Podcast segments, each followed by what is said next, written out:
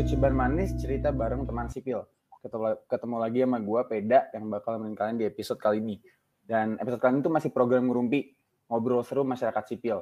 Ya, kayak yang udah sebelumnya pernah dibilang juga, program itu bakal nge-sharing tentang pengalaman pribadi yang tentunya bakal menarik dan seru, dan membawa topik tertentu dengan narasumber yang udah terpilih. Nah, pada episode kali ini tuh kita mau membawakan uh, lagi salah satu pusat studi yang ada di Teknik Sipil Unpar, yaitu TSDA, Teknik Sumber Daya Air. Tentunya gue yakin lu pada udah pada tau lah TSDA itu apa, gara-gara udah pada dapat hidrologi, udah dapat MacFlu, udah dapat hidrolika dan lain-lain. Nah, uh, mungkin di uh, podcast kali itu kita nggak akan bahas lebih ke matkul-matkulnya, karena kan itu mah kuliah aja gitu. Kalau ini kita akan bakal uh, ngundang narasumber yang emang udah bergulat gitu ya di dunia TSDA dan memang sudah sebagai seorang engineer dan bahkan sekarang lagi ngambil PhD gitu. Jadi kita bakal sedikit ngulik dan ngorek-ngorek juga tentang bagaimana kehidupan sebagai engineer TSDA. Dan setelah gue kemarin mencari tahu dan uh, mengulik lebih dalam, ternyata uh, narasumber kita yang satu ini tuh sebenarnya lagi lagi menempuh uh, gelar dokter di Universitas Belanda di Wageningen. Nah mungkin daripada makin tambah penasaran uh, dan ya mungkin gue rasa juga ya gue sih udah gak sabar nanya-nanya dan kebetulan dosen ini juga waktu itu uh, dosen gue waktu McFlu jadi mungkin langsung kita welcome aja uh, Bapak Steven Rinaldo Rusli Halo Pak. Oke, tepuk tangan juga. Halo Sam. Oke, bagaimana Pak kabarnya Pak? Ya tepuk tangan dong biar biar sedikit meriah gitu entry-nya gitu. Gimana kabar Pak? Kabar baik, kabar baik, baik ya. Baik. Uh, ya menjalani hidup di masa pandemi aja gimana. Cuma kalau di sini seenggaknya pergerakannya lebih bebas, jumlah kasus lebih terkendali. Iya, emang ya sih Pak. Soalnya kita Indonesia kemarin baru surpass nomor satu di dunia. Sangat, aduh, sangat sakit. Iya, case per kita kita sekarang case terbanyak di satu-satu seluruh dunia, Pak. Paling tinggi ngalahin India. Oh, saat ini gitu kan ya, bukan bukan sepanjang Covid ada karena ya ya gitulah ya kalian juga kalau bisa di rumah ya di rumah. Pikirin kalau nularin ke orang lain gimana. Ya setuju setuju setuju. Kalau di sana pak kuliah gimana? Online apa offline gitu? Di sini kan sekarang bulan Agustus ya baru mulai. Jadi hmm. lagi summer holiday. Jadi kalau sekarang ke kampus juga kosong. Oh emang emang lagi holiday sih ya. Emang kalau ya. nanti September udah mulai offline. Oh, September iya. kelas aja gitu. Enak sih ya kalau kita udah udah satu setengah tahun lah kali ya udah full online dan gimana ya rasanya anak teknik kan kalau online tuh rada kurang kena gitu. Apalagi emang, emang, emang kalau offline kena sam? Ah, kalau ya, offline ya sedikit lebih kena sih. Ya ya ya. Oke. Okay. Ya, ya tapi di sini juga nanti nanti nggak nggak full offline kok, tetap ada kombinasi hmm. online offline tapi kayak kalau mau ada kuliah lapangan field trip gitu udah mulai bisa lagi. Oh ya ya Oke Pak, uh, mungkin kita sedikit mereset-mereset langsung ngarah-ngarah ke topik kali ya Pak ya. Jadi karena pengen bahas TSDA, ya ini mungkin pertanyaan yang paling apa ya. Karena kita nih ya mahasiswa Pak jujur, uh, saya juga nanya-nanya dosen, katanya tuh TSDA tuh sebenarnya dari setiap angkatan itu selalu yang peminatnya paling dikit gitu. Kayak karena ya kita tahu ya susah gitu. Terus kenapa kira-kira Bapak pada akhirnya mengambil TSDA gitu Pak? Ya mungkin singkat aja cerita sedikit uh, dari view Bapak, view Bapak gitu sebelumnya sorry nih, kayaknya kalau saya cerita nggak mungkin singkat sedikit. Oh, ya nggak masalah. Karena bawaan lahirnya memang ngomongnya agak banyak ya. Tapi anyway, kalau dia yang ngambil sedikit karena susah, eh diragukan sih. Karena susahnya sih diragukan. Kalau yang ngambilnya hmm. sedikit diragukan lah, karena angka gak bisa bohong gitu ya. Hmm. Tapi kayaknya kalau yang ngambilnya sedikit karena susah itu subjektif. Ada orang yang bilang susah, ada orang yang bilang gampang, tergantung bakat masing-masing kalau ditanya kenapa dulu saya ambil TSDA, eh, kenapa ya? Gini, eh, saya bukan dari keluarga yang eh, orang tuanya semua udah kuliah, punya saudara sepupu udah kuliah semua, udah merasakan mengenyam pendidikan lanjut setelah SMA gitu ya, bukan. Eh, dulu waktu kuliah pun, kenapa saya ngambil teknik sipil? Ya, saya nggak tahu. Saya, saya bukan karena, oh mau jadi insinyur bangun gedung jadi ambil teknik sipil, bukan. Karena saya bukan tumbuh di environment yang mendukung untuk itu ya. Dulu saya ngambil sipil, kira lulus jadi hansip, lah jadi jadi satpam ya. Enggak, gitu. Hansip ya. Dulu ngambil sipil karena saya nanya orang tua, gelar yang keren tuh apa? Orang tua saya dulu cuma tahu dua gelar, insinyur sama dokter Andes. Hmm. Jadi ini ini kayak kita beda jauh umur banget ya, kalau kagak juga. Paling kita beda 10 tahun sih kayaknya. Maksudnya, tapi ya kurang lebih lah. Terus yang nanya lebih keren mana? Insinyur. Lagi-lagi ya, bukan berarti insinyur lebih pintar dari dokter Andes, bukannya tapi ada ada bidangnya masing-masing. Itu yang orang tua saya tahu. Terus bilang Insinyur Soekarno tuh dulu ins, apa profil Presiden pertama Indonesia Soekarno tuh insinyur loh masuk sipil. Saya masuk itu ya bukan saya mau jadi presiden ya tapi ya masuk cuma gara-gara itu. Saya nggak tahu lulus jadi apa. Terus masuk sipil dijelasin kan ada KBI dulu masih KBI namanya Komunitas Bidang Ilmu. Sekarang pusat studi namanya terus ada ospeknya ini itu kan terus apalagi ya zaman dulu gitulah tapi saya nggak tahu apa-apa ada SKS Eh, dari keluarga besar saya, saya salah satu yang paling besar di antara sepupu. Jadi saya nggak bisa nanya tuh ke yang lain. SKS tuh apa sih kuliah tuh kayak gimana? Ya, ya nggak tahu. Masuk unpar ya nekat aja masuk unpar gitu. Uh, dijelasin KBI dulu tuh masih ada ospek-ospek gitu kan, ospek-ospek yang dimarah-marahin gitu kan. Ya boro-boro denger ya KBI itu apa ya, di kepala saya sih cuma mikir, ah habis ini dimarahin lagi lah, di ini lagi, itu lagi gitu ya. Hmm. Jadi lagi dijelasin KBI apa juga kagak denger dulu kalau kalau jujur sih ya. Ini jangan ditiru ya sama kalian ya kan kalian udah nggak ada harusnya udah gak ada toh ospek-ospek yang dimarahin, oh. bikin bikin pin gitu pakai karton gitu harusnya udah ada kan? Ah, nggak ada, nggak ada kok. Iya, jadi ya harusnya dijelasin KBI ya denger-denger aja. Dulu sih saya kagak denger gitu karena pusing mikirin yang lain. Hmm, kuliah, ya udah jalanin kuliah sampai semester empat itu saya nggak kebayang sama sekali saya mau ngambil KBI apa mau ngambil bidang apa uh, terus semester empat saya ketemu satu dosen yang baru beres S3 saat itu yang sekarang adalah dekan Fakultas Teknik. Yaitu Pak Dodi Pak Dodi Yudianto ya uh, dapat mata kuliah hidrologi sama Pak Dodi itu kalian sekarang semester 6 toh Sam Ya, semester 6 kalau Hidrologi udah lewat toh? Udah, udah. Udah merasakan ini toh, tugas pertama gambar garis batas. Eh, tapi online ya. Gambar tapi garis enggak, waktu hidrologi kalau saya sih masih sempat offline bentar, kayak 3 atau 4 pertemuan gitu. Ah, oke. Okay. Jujur dulu saya kaget banget karena dulu tuh eh, tugas-tugas mata kuliah tuh ya kayaknya santai-santai aja. Hmm. Dikasih PR apa gitu ya. Nah, itu tuh ada peta das gitu ya. Hmm. Dulu saya ngambil mata kuliah hidrologi itu gak ada asistensi kalau sekarang kan ada asistensi. Ya. Jadi dulu tuh asistensi di kelas. Saya kaget banget tuh dulu Pak Dudi semangatnya, wah gila banget. Kelas pertama, pertemuan pertama, langsung ngejelasin tentang DAS, langsung kuis bikin garis batas DAS di kelas saat itu juga, A3, pakai meja, tau kan kursi kuliah yang cuma satu kursi doang. Iya, iya, iya. Kan? Iya. Tapi kertasnya A3 dikumpulin pertemuan pertama.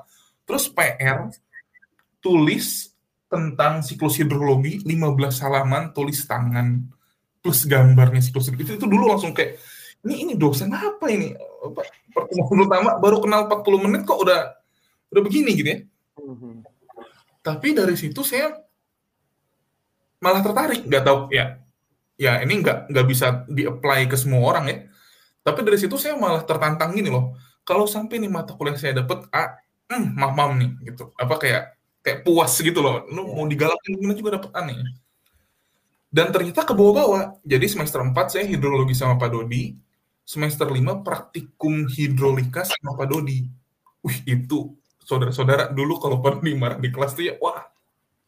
Gegar lah itu kelasnya. Paling hmm. kelas tuh masuk lima orang lah yang berani masuk tuh yang lainnya tuh nggak berani masuk gitu ya, jangan gitu ya masuk masuk aja kalau kalian nggak usah takut tapi baik sebenarnya pada itu terus semester 6 saya itu asisten apa gitu sama Pak Dodi, udah gak inget. Dari semester 6 ke semester 7 SP saya kerja praktek, ternyata pembimbingnya Pak Dodi juga. Jadi kayak jodoh gitu loh, Pak itu kan jodoh ya. Iya, makanya. Terus semester 7 saya itu magang kerja ngerjain bantuin proyeknya Pak Dodi. Nah dulu udah merasa ya saya nggak tahu apa-apa, masuk kuliah juga udah syukur, seolah-olah dikasih jalannya sama Tuhan ini ya begitu ya, ini bukan bobo religius ya eh, dosen-dosen itu nyebar kecuali air karena SDA ini saya sama Pak Dodi terus. Antara Pak Dodi Pak Bambang Adi Pak Bambang Adirianto. Terus dua. Dan saya jadi merasa ada kesinambungan yang saya belajar gitu ya. Dulu tuh kayak misal mata kuliah eh, transportasi gitu. Saya belajar dari teknik lalu lintas teknik transportasi eh, teknik perancangan jalan eh, perkerasan jalan sorry. Terus perancangan geometri jalan semua dosennya beda sampai laboratorium itu semua dosennya bener-bener semua dosen transportasi saya rasain. Jadi saya nggak dapat kesinambungannya. Nah saat akhir itu saya dapat kesinambungannya. Jadi saya ngambil air. Jadi ini ini ini ini jawaban yang realistis ya. Kalau jawaban yang idealnya kan saya ngambil air karena saya ngelihat kerja air di Indonesia begini ada akan ada iya, lapangan yeah. kerja apa masa gimana itu itu itu itu idealis kalau satu saya memang udah tahu ke depannya gimana. Saya lahir di keluarga yang kebetulan papa saya kontraktor dan pernah terlibat di pekerjaan bangunan jat, bendungan Jatiluhur misal. Hmm. Kalau saya udah tahu itu semua, itu ideal banget. Saya masuk sipil, saya tahu apa akhirnya yang saya mau, saya jalanin gitu. Cuma kan nggak semua eh, mahasiswa itu beruntung ada di fase itu ya. Ada mahasiswa yang kenapa ngambil sipil nggak tahu nih tiba-tiba ngambil arsitek kagak keterima gambarnya jelek jadi masuk sipil gitu ya. Yeah. atau masuk sipil apa ya ikutan temen aja gitu. Yang kayak gitu ya untuk ngambil bidang apa satu cari yang kalian suka. Tapi agak bohong sih kalau baru semester 3 semester 4 udah nemu apa yang disuka. Karena ya suka uh, su saya suka mekanika fluida saya suka hidrolika hidrologi tapi waktu belajar irigasi lah kok begini-begini amat apa nih gitu kan yeah, yeah, jadi yeah yang suka nggak suka juga masih bisa masih bisa berubah-ubah gitu. Hmm. ya tapi jalanin aja lah ambil yang terbaik itu kebetulan kalau jalan hidup saya dulu yang terbaik TSDA nah gitu sam itu itu itu versi pendeknya. Hmm. ini ya, ya memang gitu sih jawabannya. Iya iya. Tapi menarik sih tapi menarik sih pak. Karena emang bener banget kayak ya di satu sisi beberapa memang mungkin relate juga gitu. Kayak kebet apa apalagi kayak kayak si tadi bapak bilang bapak tuh ketemu Pak Dodi berturut-turut terus sudah ngelihat style Pak Dodi seperti apa. Dan uniknya bapak tuh kalau orang tuh banyak yang nggak tahu ya saya sih saya seumur umur selama di Unpar belum belum ketemu belum dapat dosen Pak Dodi. Cuman dari cerita-cerita yang udah dapat Pak Dodi memang Pak Dodi tuh emang rada lumayan lumayan keras gitu. Maksudnya dalam artian bagus ya maksudnya nge-push gitu. Dan nggak semua orang bisa cocok gitu. Dan uniknya Pak Steven tadi berdasarkan cerita ya nyambung dan malah akhirnya membawa Pak Steven ke sekarang udah udah ngikut apa udah kayak bener-bener air banget lah bahasa itu udah air banget gitu. Dan ya itu menarik banget sih dan emang realistis banget karena ya banyak sih yang ngomong kayak ya uh, gue gue sih ini Pat gue pengen ngambil ini pengen berdampak karena gue melihat lapangan kerja yang gini-gini gini kan pengen berdampak ke ya itu ya boleh aja gitu. Cuman di satu sisi ada ada ada kayak Pak Steven ini juga ya realistis banget gitu loh emang ngambilnya tuh gara-gara begini begini begini. Dan itu ya menurut saya itu menarik banget dan real banget gitu. Itu mungkin itu adalah uh, background gitu ya kenapa Pak Steven pada akhirnya menekuni TSDA uh, mungkin buat selanjutnya Pak selain kita tahu nih Bapak udah S2 di Hoka University uh, terus sekarang uh, ngambil di Belanda. Tapi saya uh, ya maaf nih Pak rada nge-stop dikit LinkedIn. Cuman saya melihat banyak honors and awards nih Pak. Mungkin ya mungkin mungkin Bapak bisa jelasin dikit ini kok bisa sebanyak ini gitu. Ini ada Jiangsu Scholarship Awardee, terus ada Top 10 Best Paper. Mungkin sedikit cerita Pak, ini tuh uh, awards awards buat apa dan Bapak bisa sampai dapat ini tuh apakah effortnya se kan kalau kita bayangin nih, kalau saya pribadi bayangin kalau udah dapat awards awards berarti ya ini effortnya gila-gilaan nih. Berarti emang Bapak tuh emang bahasanya tanda kutip uh, akademis yang gila banget gitu Pak. Mungkin Bapak bisa sharing sedikit gimana kita bisa menginspirasi kita juga bisa sampai dapat beberapa awards ini yang kayaknya nggak main-main gitu Pak. Oke, bentar. Saya aja gak ingat awardsnya apa aja ya. Ini lagi buka link dulu. kamu lihat apa, Sam? Kenapa? Nah, yang dilihat emang apa awardsnya? Bentar-bentar, saya scroll-scroll dulu. Boleh, boleh. Ini ada LPDP Scholarship Award okay. for Indonesia. LPDP Scholarship Award. Itu tuh ceritanya ya, simple aja. Saya mau S3 Hmm. BS3 itu biayanya lumayan. Yes. Apalagi harganya di Eropa. Hmm. Kalau pakai uang sendiri, saya kelaparan dulu sebelum S3-nya lulus. Iya benar sih, Pak. Benar sih. Sedangkan saya makannya banyak nih. Di Belanda S3-nya 2 tahun, saya udah naik 10 kilo, 12 kilo nih. Nah, S2 11 bulan naik 25 kilo kayak gitu loh. Jadi kebutuhan asupannya banyak. Jadi ya butuh biaya bantuan lah beasiswa. Lamar-lamar, salah satu yang dulu saya lihat cocok LPDP karena apa ya eh, dari berbagai peluang beasiswa yang ada banyak itu mungkin yang memang nilainya sejalan sama saya LPDP. Toh, misal kalau LPDP eh, ada ketentuan kan harus pulang mengabdi ke negara yeah. Indonesia. Mungkin ya saya nggak dikasih ketentuan itu pun saya mau pulang ke Indonesia dan saya balik lagi ke Unpar gitu. Jadi apa eh, visi misinya sejalan nggak memberatkan. Gitu. Kalau LPDP gitu. Terus itu ada scholarship award for talent made training. Mm-hmm. Jadi dulu tuh 2017 17 rasanya uh, karena saya tahu saya mau S3 ke Eropa, Eropanya di mana saya belum tahu dulu. Hmm. Atau nggak cuma Eropa lah, dulu tuh mau Eropa, mau Aussie, mau Amerika, ya ambil aja gitu. Nanti kalau udah ambil kan ditanya tuh kayak tadi, kenapa S3 di Eropa? Nah, hmm. idealnya S3 di Eropa ini Belanda adalah negara yang bagus. kan? Jawaban analisisnya yang dapat itu udah berangkat aja gitu ya. Iya, iya. Nah, dulu tuh eh, ada kesempatan ikut pelatihan di uh, di Belanda di kota kecil sih namanya Enschede. Hmm. Uh, pelatihan tiga minggu. Nah, saya lihat dulu peluang saya ini belum pernah ke Eropa sama sekali sebelum 2017 itu. Hmm. Naik pesawat di atas 6 jam tuh kayaknya nggak pernah dah gitu ya. Uh, nggak tahu nih di Eropa emang orang tiap kali makan burger tuh enak kan tiap kali makan burger gitu kan kalau di Indonesia tiap kali makan burger kagak kebeli kan. Iya, iya. Di Indonesia kan belinya nasi tempe orek gitu kan aduh sekarang saya kangen banget sumpah saya kangen banget loh ini nah dulu ada kesempatan tuh. Nah ya udah saya apply aja. Pelatihan tiga minggu ternyata dapat gitu. Jadi ya ya udah saya berangkat. Itu scholarship award untuk uh, tiga minggu itu ya. Top 10 best paper dulu pernah di salah satu uh, ilmiah jadi kalau kalian tahu kalau kalian nanti misal ngambil geoteknik terus lulus itu tuh ada tuh perkumpulan himpunan geoteknik di Indonesia tuh namanya Hati Himpun Himpunan Ahli Teknik Tanah Indonesia gitu kalau nggak salah. Air juga ada PSDA itu ada namanya HATHI Himpunan Ahli Teknik Hidrolik Indonesia. Nah dulu saya uh, dulu saya ikut terlibat di sana. HATHI itu bikin uh, pertemuan ilmiah tahunan. Tapi itu itu top best top ten best paper saya juga nggak tahu kenapa lah pokoknya masuk aja. Saya juga nggak tahu kenapa bisa hmm. masuk. kalau best graduate student mah ya itu aja kebetulan. Dulu S2 di Unpar.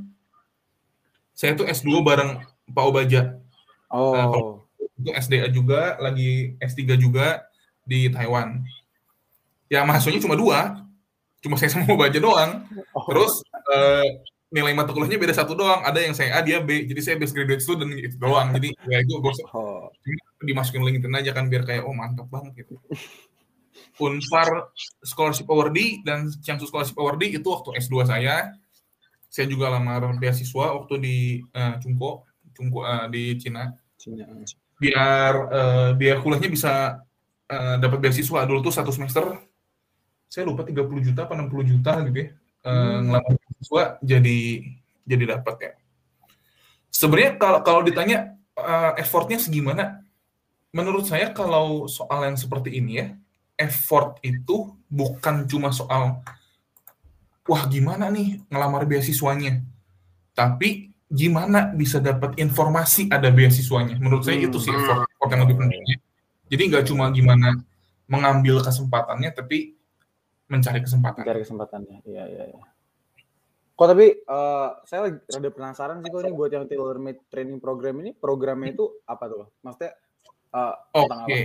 Ya, jadi itu tuh ada kerjasama antara uh, di hmm, kalau di Indonesia itu kan ada gini ya, ada universitas yang kayak ITB, Unpar gitu, yeah. ada politeknik mirip oh. ya, universitas tapi lebih applied science gitu ya applied lebih ke gimana bukan bukan uh, research research based. Mm -hmm. Nah di, di sini tuh di Belanda itu ada uh, semacam politeknik itu juga, mm -hmm. tapi turunan. Jadi kalau di sini politeknik itu harus terkait sama universitas. Mm.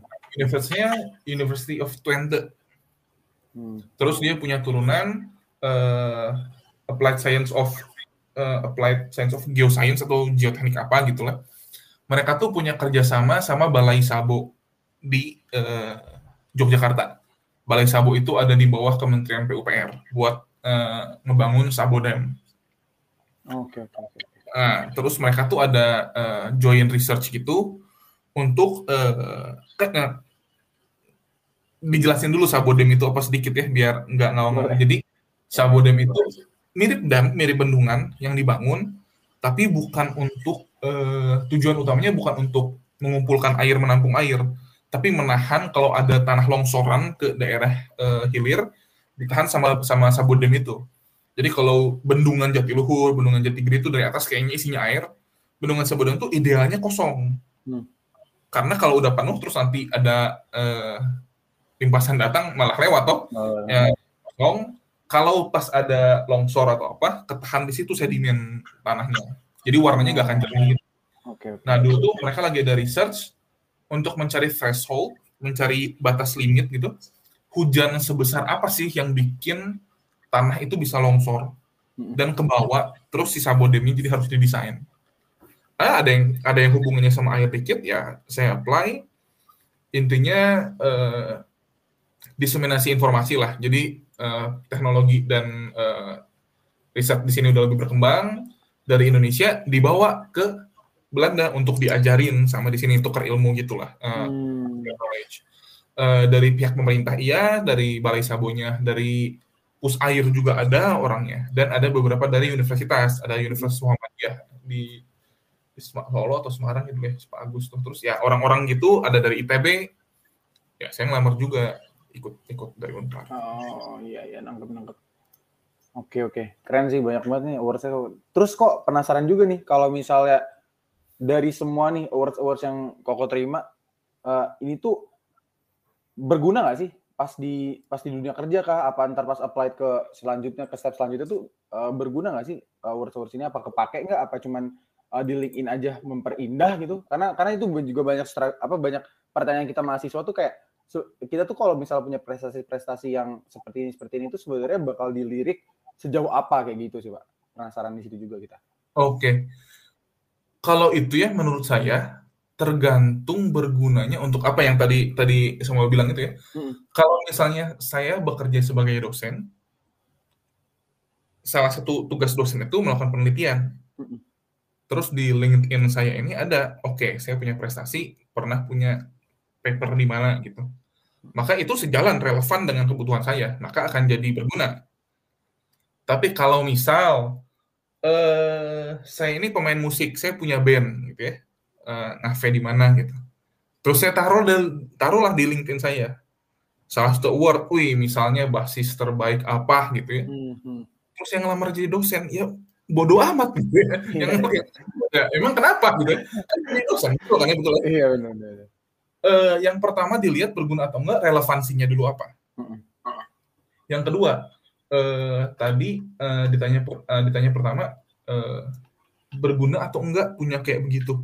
Menurut saya usaha apa pun kalau kalian lakukan dengan benar dan maksud yang baik pasti ada gunanya. Yes. Yes. Pasti ada gunanya. Walaupun itu gak di LinkedIn, walaupun itu di LinkedIn, uh, niat yang tulus tuh balik ke kalian lah gitu ya jadi eh,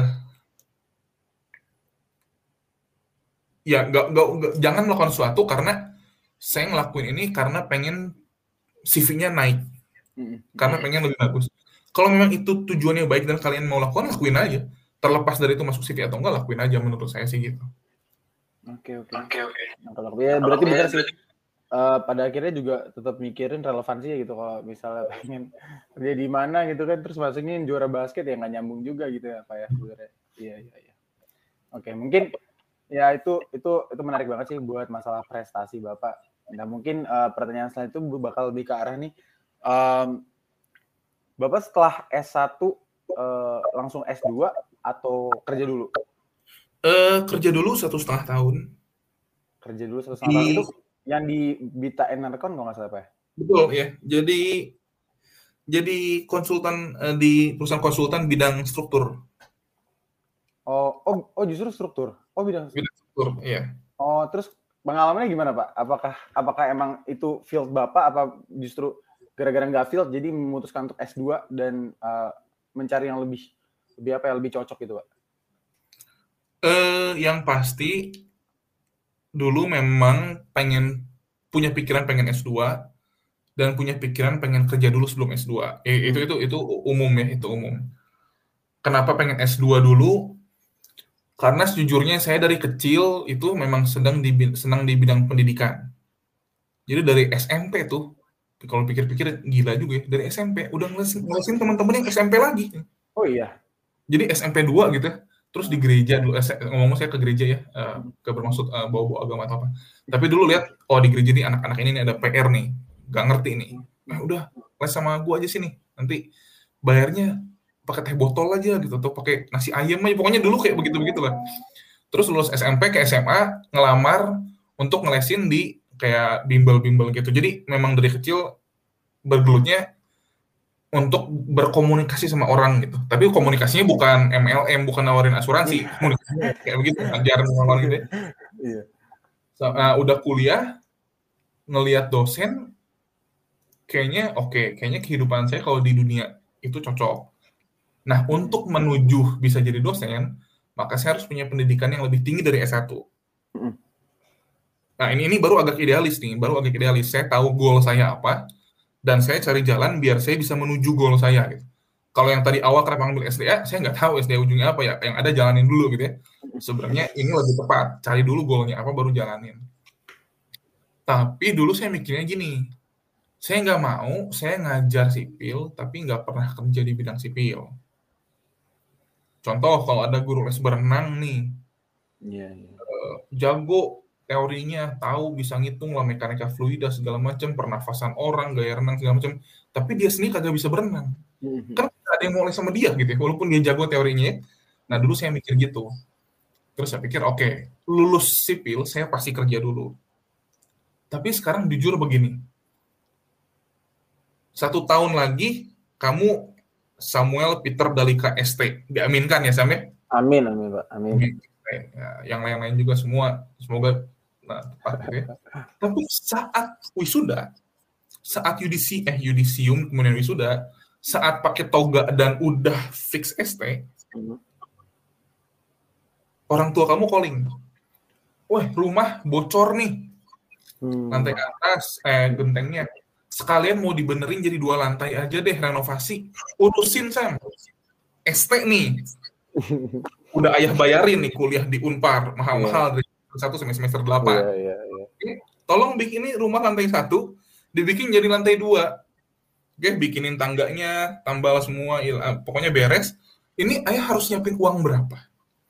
Harus siapin semen berapa sak hmm. tukangnya berapa orang beres berapa hari jujur aja, gak semua orang yang bergelar ST saat wisuda berani ngambil yang kayak begitu, Anto. Ya, ya. Padahal kita anak teknik sipil gitu. Mm-hmm. Disuruh bikinin tangga ke lantai dua sama papanya, waduh mikir dulu entar nggak belajar itu di kampus ini gimana nih ya di kampus yeah. beton satu ngitung tulangan gitu tapi ya nggak tahu juga nih gimana praktiknya. Jadi dulu apply kerja dulu. Nah karena mikir saya lulusan SDA, saya tadinya mau cari konsultan air gitu kan. Mm uh, jawaban jujurnya nggak nemu. Jawaban jujurnya nggak nemu. Tapi inilah susahnya lulusan S1 itu gengsi. Uh, nggak mau lagi minta uang orang tua, harus pakai sendiri nih. Yeah, yeah. Tapi nyari kerja juga nggak gampang. Saya mau nyari pengalaman biar bisa dapat kerja tapi ngelamar kerja ditulisnya butuh pengalaman minimal dua tahun. Ya gimana caranya? Kan ngiri pengalaman gitu kan ya. Itu nanya ayah sama duluan mana. Jadi dulu mikir apa pun yang ada saya ambil. Eh, kebetulan dulu saya nanya sama suaminya ibu Dina. Ibu Dina ibu Dina. dosen iya, struktur ya punya suami Pak Diansyah. Dulu saya nanya ada link ke kantor Bita ini? Eh, karena dulu manajernya lulusan teknik sipil Unpar juga. Hmm. Jadi saya kerja ke sana dan nggak memang dulu nggak piki sih, nggak nggak mikir bohong lah kalau nggak mikirin gaji ya. Ya tapi selama cukup lah buat hidup sendiri ya udahlah gitu ya. uh, ambil aja terus job desknya apa juga selama itu sipil nggak banyak milik lah gitu ambil dulu belajar di sana satu setengah tahun setelah merasa oke okay, ada bayangan lah nggak bisa dibilang jago ya. Menurut saya kalau mau dibilang wah udah ngerti sipil nih udah pengalaman kerja satu setengah dua tahun mah gak ada artinya gitu ya. Uh, beda kalau udah kayak ini Pak Paulus Pramono gitu udah oh, iya. Oh, iya. Udah, itu kayaknya megang tanah aja langsung tahu nih oh ini kohesinya sekian pegang dong lihat tuh nggak tahu ya. Ya itu itu itu bisa gitu ya. Tapi kalau lulusan baru satu tahun kerja terus oke okay, saya udah ngerti sipil bohong lah itu lah. Yang itu mah baru ngerasa permukaannya aja gitu ya. Tapi dulu udah merasa oke okay, permukaannya saya udah ngerasa dengan kerja satu setengah tahun ini tabungan saya udah punya S2 kayaknya udah bisa bayar sendiri ya udah sekarang saatnya saya S2 kenapa? Bukan karena saya gak mau tahu sipil lebih dalam lagi tapi karena saya tahu ujung-ujungnya goal saya itu kan memang mau jadi dosen bukan untuk di kehidupan uh, eh, 100% full time proyek gitu kan. Jadi ya udah udah dulu S2 dulu toh nanti udah S2 juga saya bakal lanjut merasakan lagi kerja di lapangan sipil sebelum S3. Ya gitu. Jadi S1 kerja, S2 kerja, S3. Kebayang, kebayang. Oke, oke itu menarik juga sih, Pak. Uh, tapi emang benar sih uh, saat dibilang S2 dulu kerja dulu benar juga itu analogi yang bagus tuh kalau ibarat pengen ngajar berenang tapi ibaratnya kita nggak nggak tahu berenang caranya gimana gitu ya. Ya itu itu masuk akal juga sih pak. Iya iya iya. Oke mungkin uh, buat pertanyaan selanjutnya pak. Kalau selama bapak ini kan bapak berarti udah ya hitungan udah ber, udah cukup lama juga di bidang TSDA terus yang bapak temukan itu kayak ciri khas TSDA-nya itu seperti apa sih? Kayak orang yang pikirkan itu apakah benar apakah memang sesulit itu uh, sestatistik itukah? Apa kalau buat hidrologi gitu kan sestatistik itukah? Atau kalau di hidrolika apakah memang sekompleks itu apa sebenarnya nggak seserem yang orang-orang dan kami bayangkan gitu pak di bidang TSDA ini? Eh serem atau enggaknya tergantung kamu suka apa enggak ya.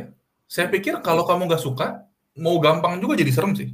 Iya sih. Kalau suka mau susah pun jadi nggak serem sih, jadi menarik-menarik aja gitu. Uh, menurut saya keunikan SDA adalah kemungkinan berkembangnya yang masih jauh lebih banyak dibandingkan bidang lain. Itu dari kacamata saya yang orang SDA ya mungkin orang orang dari bidang lain bakal bilang oh bidang saya ini belum berkembang juga. Tapi kan saya berkecimpungnya di SDA gitu yeah.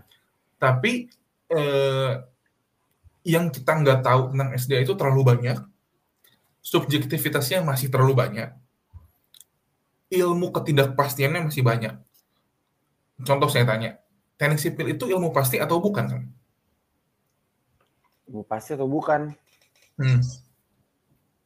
ya kalau ilmunya mungkin apa ya kalau secara maksudnya teori-teori yang menyangkut dengan sainsnya mungkin pasti pak. Cuma masalah aplikasinya mungkin bisa menyesuaikan nah, gitu kali ya. oke okay, setuju banget setuju banget. Jadi ada yang namanya sains ada yang namanya engineering ya. Hmm. saya juga setuju uh, sependapat sama kamu tadi. Kalau sains itu ilmu pasti. Satu tambah satu sama dengan dua oke? Okay? kalau ada beban sekian ada cantilever sekian maka butuh tulangannya minimal luasnya sekian. Itu itu ilmu pasti. Hmm. tapi saat kita masuknya yang namanya dunia engineering itu bukan ilmu pasti. Kalau teknik sipil itu ilmu pasti, ada yang salah, ada yang benar. Oke, Unpar mau gedung, mau bangun gedung PPAG, butuh uang berapa? Lelang lah gitu ya. Yeah. Apa konsultan MK-nya mau cari uh, kontraktor. Ya sama semua dong jawabannya kalau ilmu pasti mah benar nggak? Iya. Nah, sekian miliar, sih sekian miliar, sih sekian. Kan, kan ada yang benernya gitu ya. Nanti hmm. bisa dilihat, oh itu salah sendiri tuh gitu. Tapi hmm. enggak kan ya? Yuk kita mau bikin PPK-nya, tahu-tahu ada kontraktor bilang, kasih saya 20 miliar, saya jadiin. Ada kontraktor bilang, uh 20 miliar mahal, saya kasih 6 miliar aja masuk. Eh, gimana caranya 20 miliar? Ya? Ada, ada juga PP yang, oh gila 20 miliar, kok bisa sih butuh 35 gitu ya. Jadi teknik sipil itu lumayan nggak pasti. Nah, air itu bagian ilmu teknik sipil dengan ketidakpastian yang yang besar juga gitu ya. Sekarang ditanya, hujan berapa nih yang bikin sungainya banjir? Loh, hujan berapa itu yang tahu cuma Tuhan doang. iya, benar benar benar. Hujan nih banjir kagak yang ya yang nggak tahu gitu. Uh, ilmu yang bisa dipelajari masih banyak banget. Contoh, uh, dua minggu lalu Eropa ini baru kena banjir. Kalau kan ngikutin uh, berita ya, uh, Sungai Meuse itu baru banjir dari uh, Jerman di hulunya terus ke Belgia Belanda banyak yang banjir itu kemarin curah hujan periode seribu tahun terjadi. Di situ saya baru dapat ilmu. Kata siapa kalau hujannya seribu tahun, debitnya seribu tahun? Hmm. Ya kan nggak tahu dong. Yeah. Yang kita ukur yeah. hujannya. Ya kalau hujannya seribu tahun, tapi udah gitu apa akuifernya lagi kosong ngisi air tanah semua, ya debitnya nggak jadi seribu tahun gitu. Tapi kalau hujannya seribu tahun, lahannya udah tertutup semua, seribu seribunya jadi limpasan, mungkin debitnya jadi seribu dua ratus puluh tahun gitu. Jadi manusia cuma bisa ngukur wah ini hujannya gede nih, banjir apa enggak? Ya kita mendekati, tapi kita nggak pernah tahu. Karena nggak pernah tahu itu yang pastinya, maka kemungkinan kita mengeksplornya masih besar. Oh, ini nih ngomong ideal aja, ini ngomong seru, tapi ini ngomong mimpi aja nih. Ya, jawaban indahnya kayak gitulah. Oke, oke. Menarik sih, Pak. Nah, kalau menarik skripsi TSDA. Aduh, nah ini. Nah, ini jebakan nih kan, jebakan kan? Jebakan. Nah, itu tuh biasa ini, formalitas lah. Udah udah orang yang jatuh tuh menarik ya, bohong gitu. Iya. Tapi benar ya Pak ya, kayaknya TSDA ini banyak banget jebakannya gitu Pak. Kayak nggak tahu ya, saya nggak tahu ini mungkin maaf nih uh, mungkin kalau Bapak Ibu dosen yang mendengar, saya bukan mas tahu, cuma kayaknya banyak banyak sekali hal-hal menarik yang kayak wah ini TSDA ini menarik. Kayak WIC tuh, WIC tuh wah pas itu seru banget ketemu teman-teman dari Korea gitu kan terus rata-rata yang saya lihat ya Pak ya, yang saya lihat yang dari tahun ke tahun lulus WIC skripsinya tuh pasti TSDA gitu. Nah itu jebakannya itu. Nah itu jebakannya. itu jebakannya saya kayak loh. Kamu sempat ikut WIC? Hah? Sempat ikut WIC? Ikut pak, saya ikut WIC yang yang kemarin offline. yang terakhir offline ke Bali. Offline. Uh, nah, terus ke Bali, jadi ketemu tuh apa? Opa-opa uni-uni. Opa-opa uni, uni, ketemu semua pak, ketemu. Uh. Oke, udah bisa speak Hangul berarti kan diajarin toh? Dia ya diajarinnya yang bahasa-bahasanya justru yang yang mungkin nggak perlu saya sebutkan di sini gitu, Pak. Oh. Soalnya okay. ya, iya, tapi seru, Pak. Jujur WIC itu program yang menarik dan itu yang benar-benar awalnya mungkin kalau tadinya nggak online gitu ya, terus saya hmm. berinteraksi terus dalam keairan, mungkin saya bakal pengen gitu. Cuman begitu saya lihat kenyataan mungkin bahwa, pengen, udah mah ah? mah mungkin pengen, mungkin lagi. Mungkin. Berarti sekarang sudah pengen toh? Ya, ya, ya gimana ya, Pak? Ya, ya, ya. Ya ya itu masih belakangan pak. Maksudnya kan masih kan empat tahun rencananya jadi masih banyak waktu untuk berpikir. Cuma memang pak tes dia banyak sekali udah ngomong begini mah nggak mungkin skripsi tapi memang banyak jebakan menarik sih pak. Iya iya nah pak jadi mungkin ini buat menjebak lagi nih pak.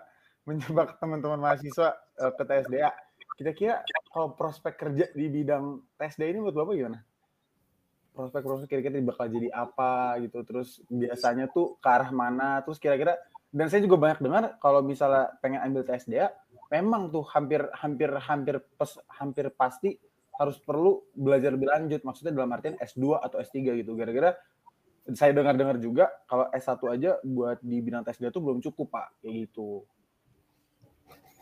itu pertanyaan ya yang di podcast mana pun ditanya jawabannya bakal sama gitu. Ah, kamu nanya orang ke SDA, kamu nanya orang struktur, kamu nanya yes, orang fisika, kamu nanya orang transportnya, lulus jadi apa ya? Ya kan jadi sipil gitu. Kalau nggak konsultan, kontraktor yang MK, ya, ya nggak akan tiba-tiba uh, nanya uh, ke orang transport gitu misalnya, udah lulus jadi apa? Jadi penjaga jalan tol gitu. Eh nggak mungkin juga ya. Kita pasti yang desainnya atau atau pasti yang bangun jadi uh, kalau kamu memang dari dunia sipil lulus, ya kamu bakal jadi orang sipil. Hmm. Nggak selalu jadi kontraktor dan konsultan. Bisa jadi developer. Bisa jadi kamu yang jadi bohir yang punya uangnya. Kamu yang bangun perumahannya bisa jadi toh. Hmm. Bisa jadi kamu jadi PNS masuk eh, PUPR untuk pengembangan jalan tol tuh sekarang biar ada di mana-mana gak cuma di Pulau Jawa tapi di pulau lain. Uh, dan semua proyek itu semua pusat studi saya yakin terlibat. Hmm. Struktur mau bikin kawasan mall. Hmm. Saat dia bikin kawasan mall, dia harus mikir fondasinya sekuat apa, maka orang geoteknik akan masuk. Hmm. Saat dia bikin mall, dia akan bikin uh, area tertutup yang nggak bisa menyerapkan air.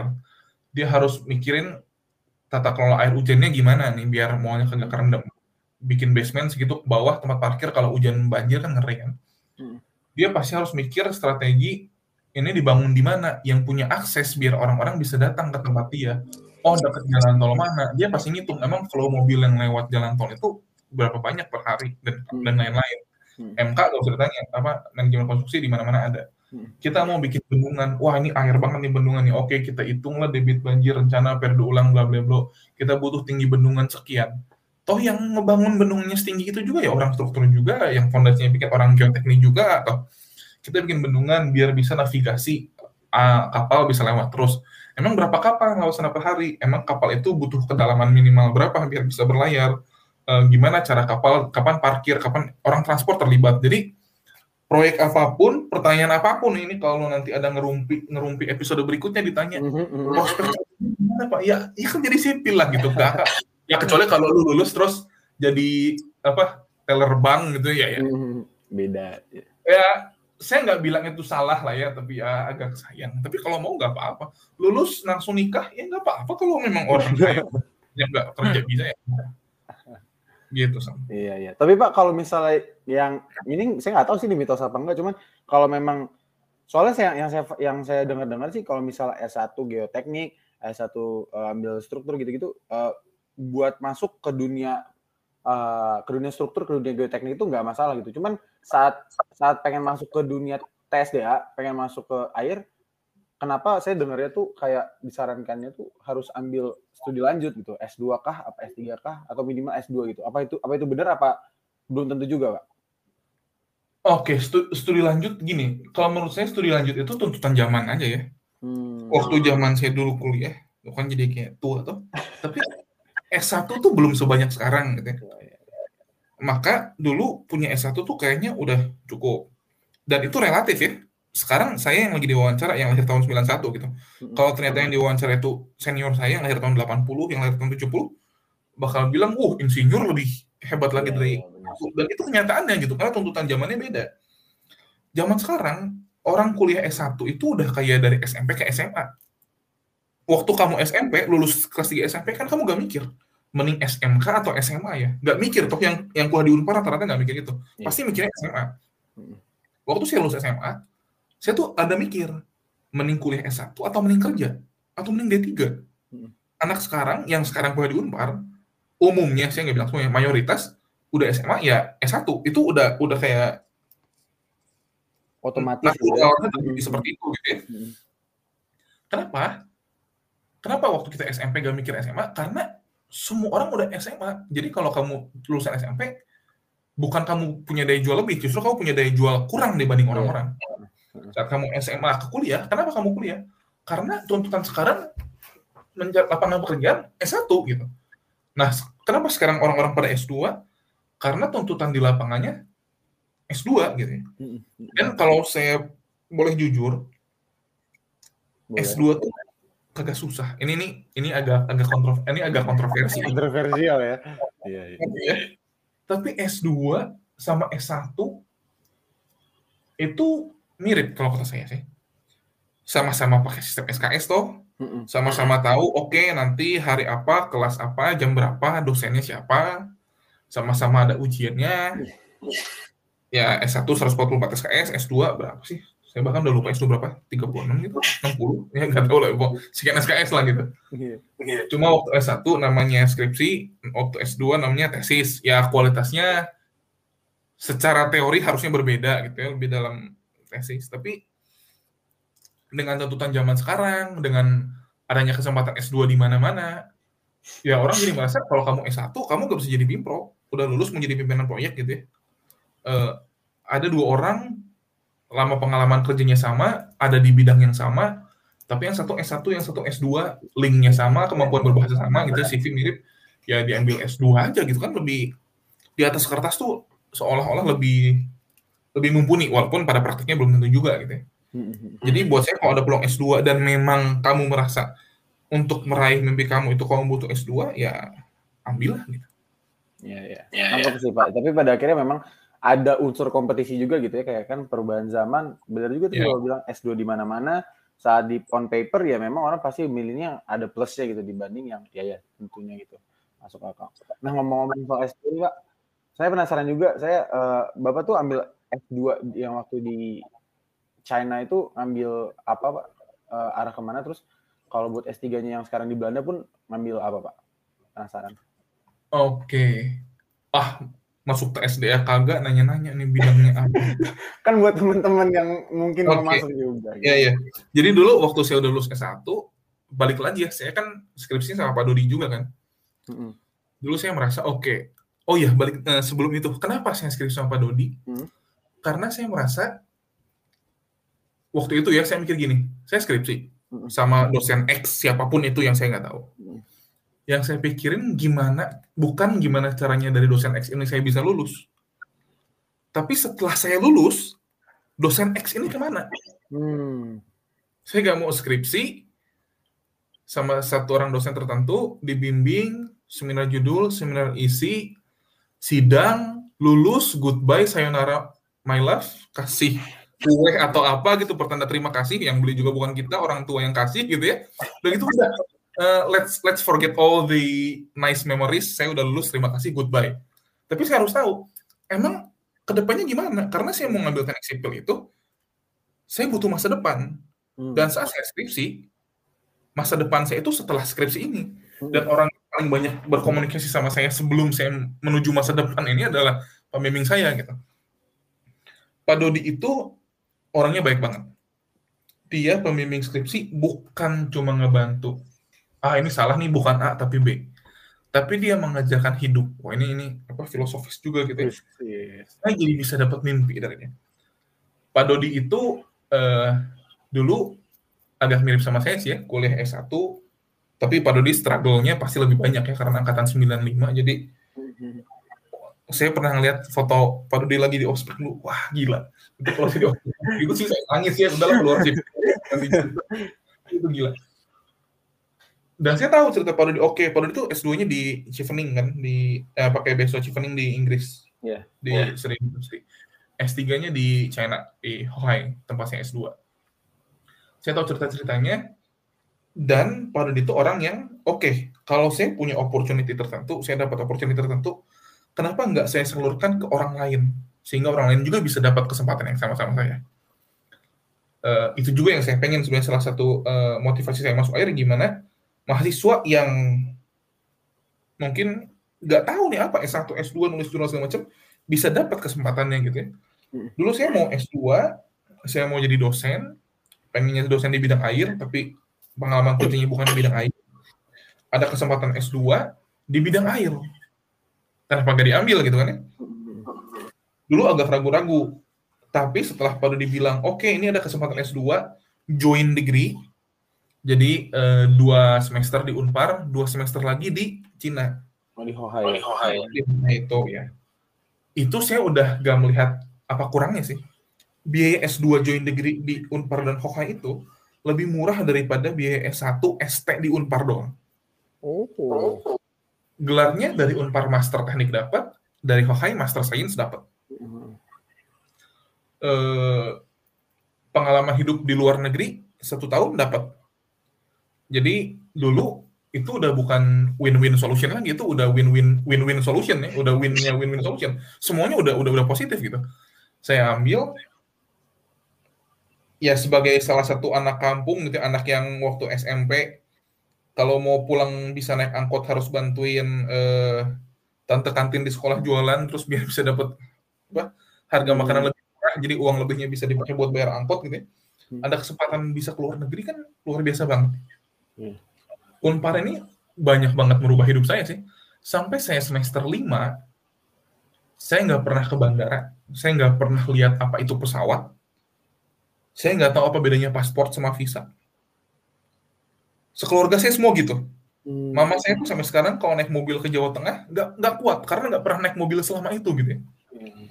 Sampai saya kuliah tuh keluar Jawa Barat yang bukan Jakarta itu cuma dua kali ke Bali.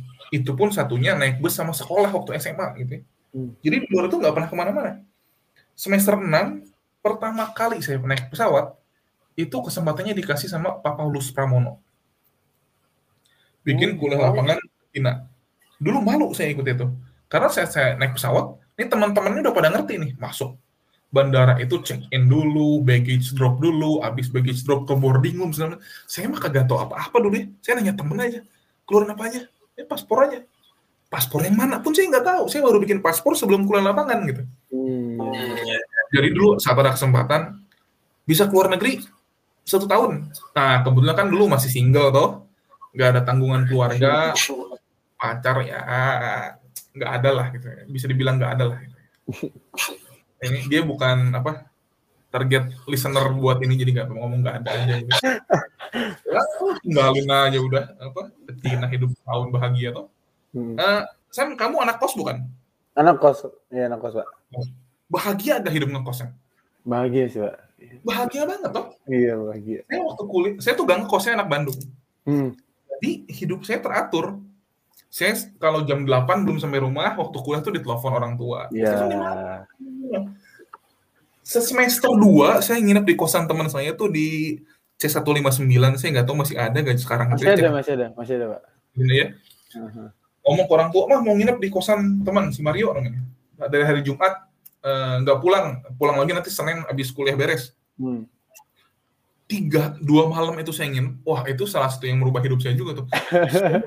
Sampai hari Jumat itu saya nggak pernah tahu gimana rasanya makan McDonald's jam setengah empat pagi karena itu tidak pernah terjadi gitu. Saat yeah. saya di kosan temen ya, yeah. itu makan jam setengah empat pagi itu normal loh. Mm-hmm, memang. Es dulu ah, segala macam cerita lah suka si ini ngeceng si itu si ini ngeceng si itu ketiduran mm. ceritanya bangun lagi nunggu teman ngudut jam setengah empat lapar belum makan malam naik motor itu pengalaman hidup gitu ya dan itu cuma ngekos di Bandung bukan sih nginep di kosan teman di Bandung dua malam iya yeah, iya yeah dulu saya ada kesempatan hidup satu tahun di luar negeri. Langsung ya. Itulah itulah di mana kita sebagai laki-laki ini punya masa periode hidup di mana kebebasan itu jadi hal nomor satu paling penting kan. Ya udah jalanin lah ambil S2. Dan ternyata senang, ternyata senang. Jadi ya udah setelah itu saya mau cari peluang sekolah lagi untuk S3 di negara yang lebih jauh lagi yang bisa saat saya tadi ngomong makan McD jam 4 itu bukan spesifik itu ya, tapi ada pengalaman hidup yang bisa kalian ambil gitu, entah bukan soal rasa Indomie Pak Mus jam 2 subuhnya, tapi oke okay, saat bergaul sama orang tuh jadwal hidup bisa berubah, kita harus tahu apa di sekitar mana, ya kayak gitu menarik banget. Jadi ya S3 sekalian lebih jauh lagi. Iya, iya, iya. Nah, kok uh, kan ini kita bicara dua dua apa dua studi lanjut di dua negara dan ya kasarnya dua kontinen yang berbeda gitu kan.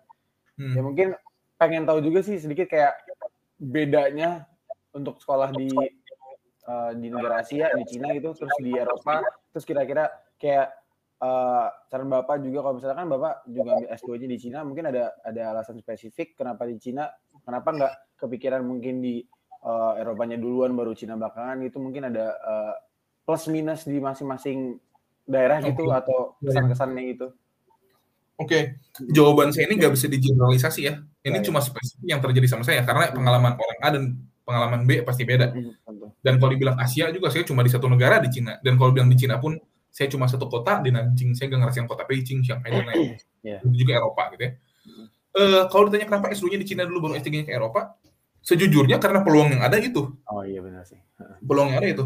Tapi kalau sekarang dengan hindsight gitu, saya udah tahu gini, kalau saya bisa ngulang lagi pun itu akan jadi jalur yang saya ambil lagi. Hmm. Gitu. E, bedanya apa?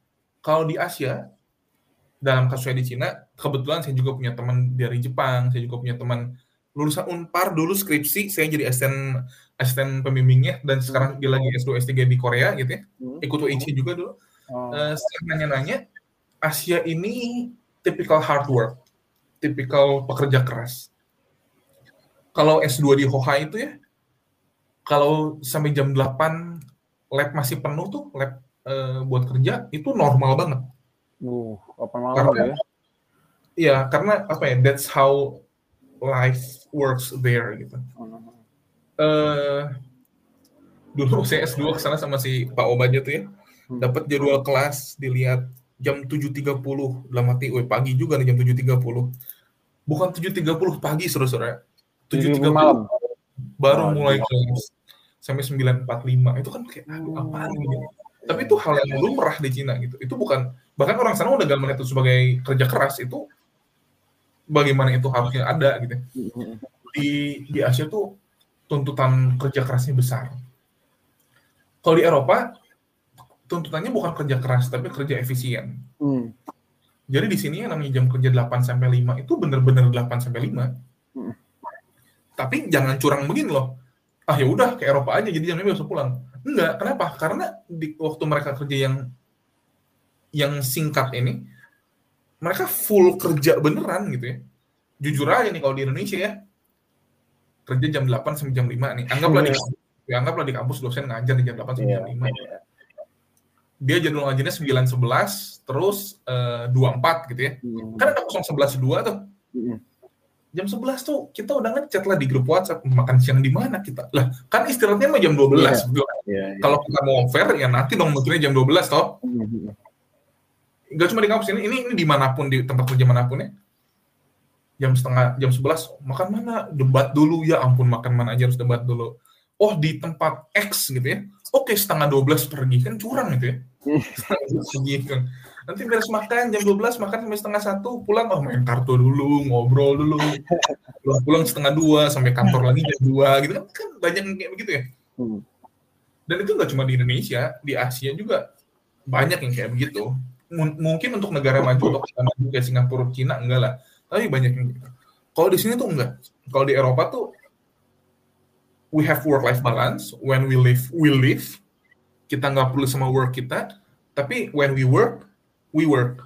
Kita nggak main-main sama kerjaan kita. Ya bedanya di situ sih. Bedanya di situ. Uh, untuk fasilitas saya bisa bilang di Asia atau di Eropa kalau itu uh, negara maju lebih bagus daripada di Indonesia. Hmm. kualitas internet apa uh, laptop uh, environment kerja lingkungan kerja gitu ya apa tempat tempat kerja mejanya kursinya itu rasanya lebih disupport kalau di luar Indonesia. Mm-hmm. gitu sih tapi kalau, cobain kalau sendiri lah. Iya, cobain iya, aja. Iya iya. Kalau ada kesempatan tertarik banget sih pak. Hmm.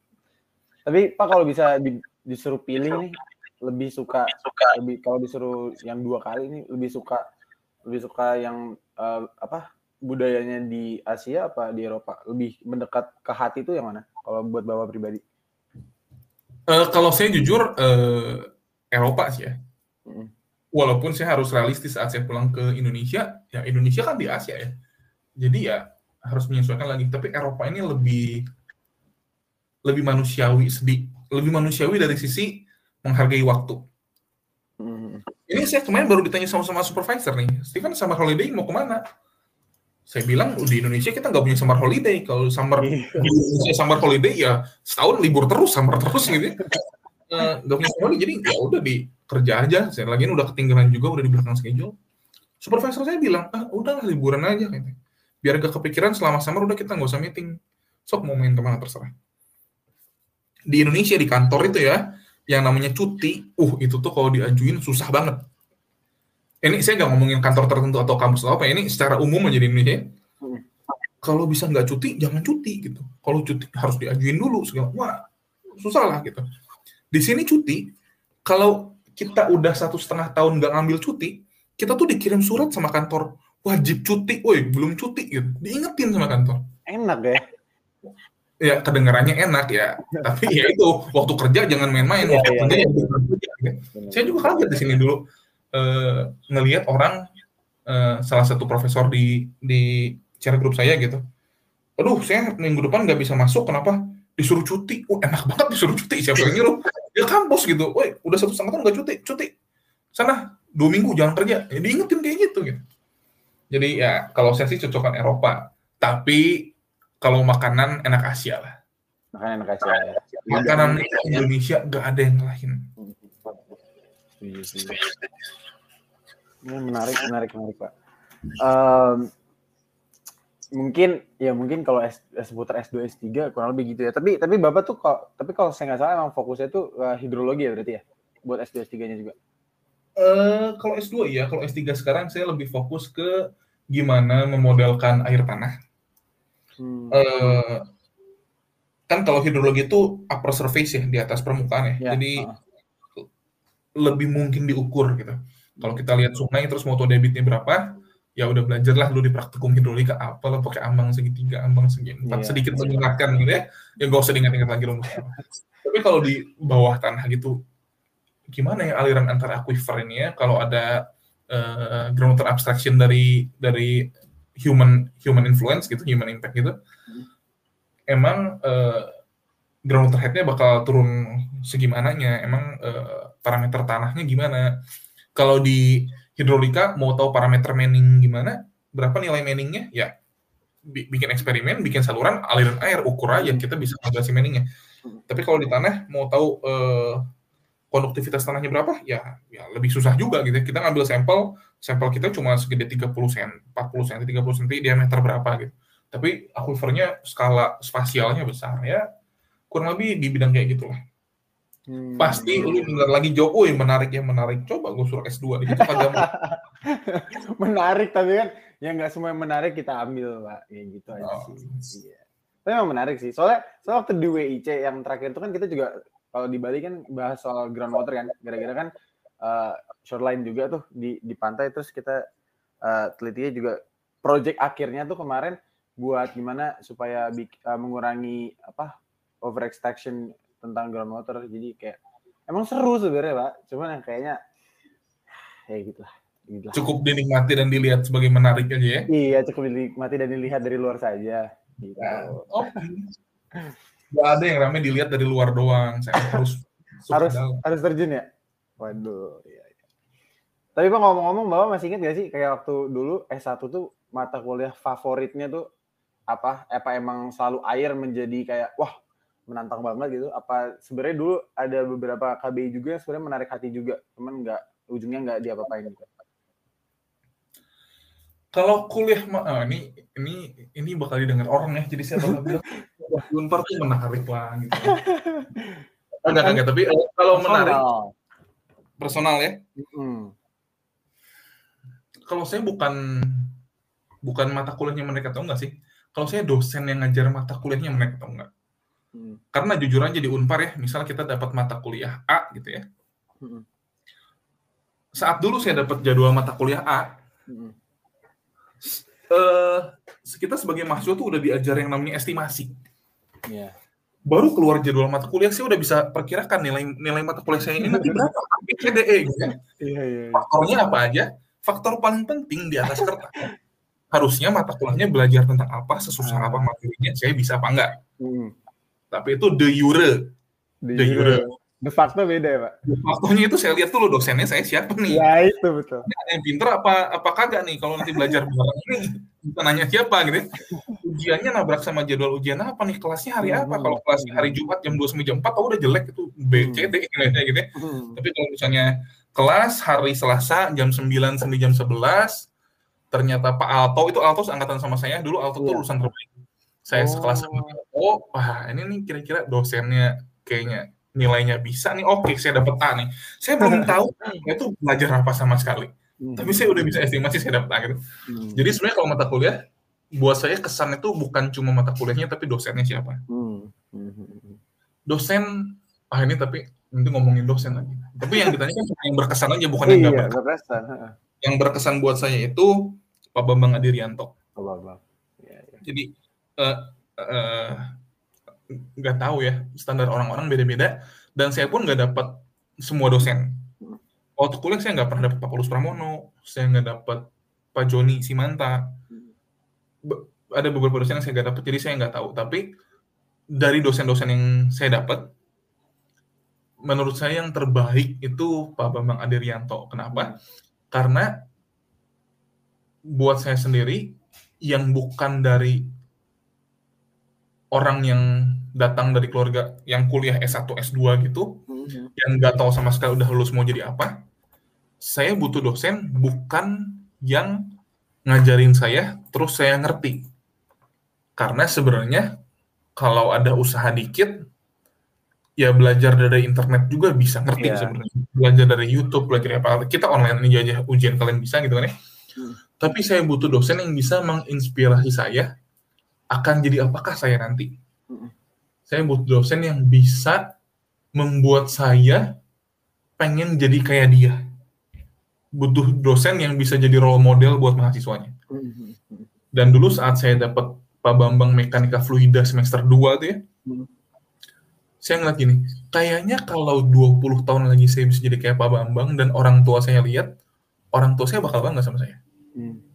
Bukan karena saya bisa punya uang sekian miliar atau apa, hmm. tapi karena sebagai manusia, saya punya arti buat orang lain itu. Wih gila ngomongnya ini ini keren terlalu keren lah ini ini, ini apa jadi jadi bukan seru ini. Tapi kurang lebih gitu. Apa Bang dan kebetulan Pak Bambang sama Pak Dodi yang tadi saya udah bilang hmm. juga banyak uh, kontribusi positifnya buat saya satu bidang. Iya. Yeah, yeah. Jadi what's not to like gitu. Jadi yeah, ya buat buat saya itu. Luar biasa sih. Nanti tolong ya buat editor itu tadi ada apa tepuk tangan gitu ya pas tadi habisnya. Itu luar biasa. Nanti di-cut dulu ditaruh di depan gitu kan. Wah, iya. Gitu. Wah, jadi kayak ada highlightnya dulu gitu. Wah. Nanti lebih dengar wah ini ngomongnya dalam banget. Kalau udah ngomong banget. Ya, kosong-kosong iya, juga. Ah, iya, luar biasa tuh coba. Emang saya juga saya juga satu apa satu waktu itu hidrolika sih sama Pak Bambang. Seru sih. Ya, dan, dan apa ya? Buat saya dosen air tuh semuanya dulu saya dulu saya tuh mekanika fluid sama Pak Bambang Adrianto. Mm -hmm.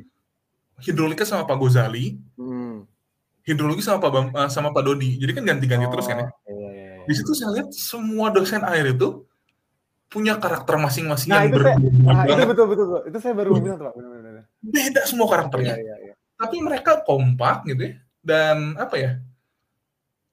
Saat saya lihat yang berbeda, bukan berarti berbeda jadi jelek, tapi berbeda-beda tapi semuanya bagus dengan caranya masing-masing gitu. Iya, iya, Nah, itu benar Pak, itu banget. Ya saya tuh dapat Pogosali tiga kali. Oh. Eh, empat iya. kali. Empat kali dapat Pogosali. Hmm.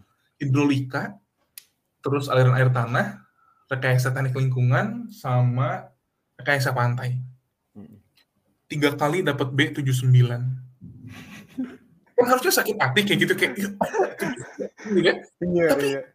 tapi nggak sakit hati Pak Gozali itu punya punya karakter yang itu itu dulu saya saya tuh semester 5 RPL sama Pak Gozali. Hmm. Uh, eh, UTS keluar nilainya hmm. 85. Ah, oke okay nih, calon-calon A bisa nih. Dikasih tugas bikin makalah-makalah gitulah. Hmm. Keluar nilai tugas ya 70-an gitu ya. Hmm.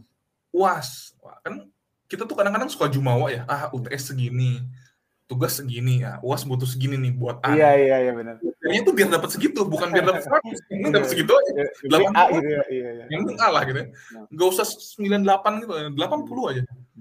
Sep sep sep keluar nilai tujuh sembilan. Waduh.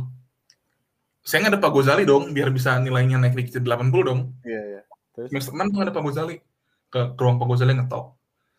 Misi Pak uh, pagi. Oh ya ini Pak saya Steven angkatan 2008 uh, mau nanya dikit soal nilai. Kenapa? Nilai saya semester kemarin 79 B. Oh, bagus dong, hebat dapat B. Pergi, pergi, pergi, gitu ya udah pernah. Udah gitu doang. Tapi saya nggak sakit hati karena cara dia ngomong itu menyenangkan. Pak Gozali itu hmm. orang menyenangkan.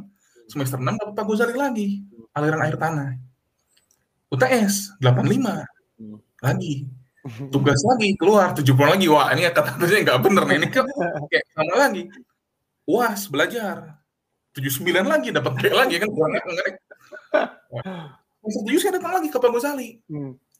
Pak Gozali misi Pak, saya mau nanya PE, eh, mau nanya nilai. Oh iya kenapa? Ini saya semester kemarin ada dapat B. Oh bagus dong, B. Udah belajar di pengalaman musik apa semester sebelumnya. Iya. Eh, iya, Tapi 79 tanggung Pak. Eh, kira-kira saya bisa gak dikasih tugas apa gitu biar A. Karena IP, IPK lulusnya itu dulu 349 tujuh gitu berapa pokoknya iya, pokoknya satu SPS naik satu itu jadi hmm. jadi kumlot gitu kira-kira bisa gak pak? Aduh, eh, saya butuh nilai gini-gini. Oke oke nanti saya lihat ya. Wah berhasil nih kalau ingin nawar-nawar kan. Iya pulang ya. Udah pulang saya baru nyadar dia gak nanya nama saya siapa, dia gak nanya berapa terus mau ngeliat apa gitu kan. Gak mungkin inget nih orang kan. Aduh semester tujuh dapat lagi sama UTS 85 lagi. Tugas 70-an lagi. Ah udahlah terserah kata saya ini mau biarin aja. Keluarnya 79 udah gak usah protes lah biarin aja 79 oh jadi di beberapa tiga tiga tujuh sembilan tuh pak? tujuh sembilan tiga tiganya tiga semester berturut-turut. oh, iya iya iya. Tapi apa ya? Pak Gozali ini punya punya talenta untuk menarik talenta. menarik manusia sehingga kita senang sama dia gitu. Jadi Hmm. Ya itu ya dosen akhirnya saya dapat Pak Bambang Adi, dapat Pak Ghazali, dapat Pak Adodi berturut-turut semuanya berkesan buat saya. Mhm. Iya, iya. Tadi itu benar banget Pak. Yang tadi saya baru banget pengen bilang kalau setiap dosen air itu menurut saya punya karakter masing-masing beda-beda. Karena saya waktu Iya. awal tuh Mekful kan saya dapat bapak sebelum bapak Hmm. pergi berangkat ke berangkat S waktu tes 3 ya berarti ya. Terus Hmm. terus eh, hidrologi itu saya dapat Pak Sanjaya. Itu juga Hmm. berbeda lagi kan. Terus pas pas prakhidro sama kemarin juga dry dry coat sama irigasi itu dapat Pak Albert dan saya emang ngeliat kayak semuanya punya karakter masing-masing tapi semuanya semuanya apa ya ilmunya saya dapat gitu dan kayak ya unik aja gitu soalnya menurut saya nggak ya, ya gitulah ya Pak cocok Albert, gitu. Pak Iya. Albert tuh terorganisir banget orang. iya uyuh berupa rapi banget rapi Semuanya banget. Iya. Modul kuliah kalau masih belum ngerti keterlaluan lah itu Iya, rapi. iya iya Banget. To the minute gitu Pak Albert kalau kalau ngajar tuh kayak beber sampai menit sekian tuh kayak udah udah Pak Albert udah mikirin mau ngebahas apa gitu dan emang iya. em- seru lah seru. Aduh nanti saya ditagih lagi nih air. Udah kita lanjut dulu pak kita lanjut dulu pak. Tadi saya Iya. sempat saya sempat lupa nanya kalau di waktu bapak S2 sama S3 sekarang tuh bahasanya tuh gimana pak? Bapak belajar bahasa Cina sama bahasa Belanda tapi kalau setahu saya Belanda tuh masih pakai bahasa Inggris juga ya pak? Kalau Cina gimana Oke, jadi orang Cina itu they don't speak ABC at all. oh Di Cina McDonald ada ada McDonald, tapi coba nanya orang McDonald, McDonald's dengan bahasa apa pun orang Hmm. Cina bakal "Hah, apa tuh? Karena Hmm. Cina punya bahasa Cinanya sendiri untuk McDonald, iya mau tanglau gitu ya. Hmm. Sampai ya something like that yang nadanya saya nggak bisa. Sebelum ke Cina saya les dulu bahasa Mandarin. Hmm. Satu bulan, macam orang bisa bahasa Mandarin satu bulan aja ya. Iya. Waktu les kagak ngerti gurunya ngomong apa, saya tanya lagi, Ci, bentar, Ci, bentar, pelan, bentar. Nah, ya, bisa. Udah ke Cinanya kagak bisa toh. Hmm. Jadi jujur aja, wah itu aduh itu itu itu itu kacau balau lah. Untungnya saya kecinanya berdua sama Obaja. Hmm. Pak Obaja itu apa baca bisa bahasa Mandarin kagak bisa juga, nggak bisa tapi juga nggak bisa berdua itu lebih baik daripada nggak iya, bisa iya, sendiri. daripada sendiri pusing sih pak iya iya iya benar Obaja itu sebenarnya katanya orang tuanya di rumah masih ngomong bahasa Mandarin sama dia, jadi Hmm. listeningnya lebih bagus lah. Tapi ngomongnya dia nggak pakai bahasa Mandarin. Hmm. Wah dulu ke Cina tuh ya, saya inget banget tuh. Eh, mau cari makan malam gitu, yuk Jak, Hmm. cari makan malam keluar ya. Hmm. Begitu keluar, kita bukan cari makanan kita mau makan apa.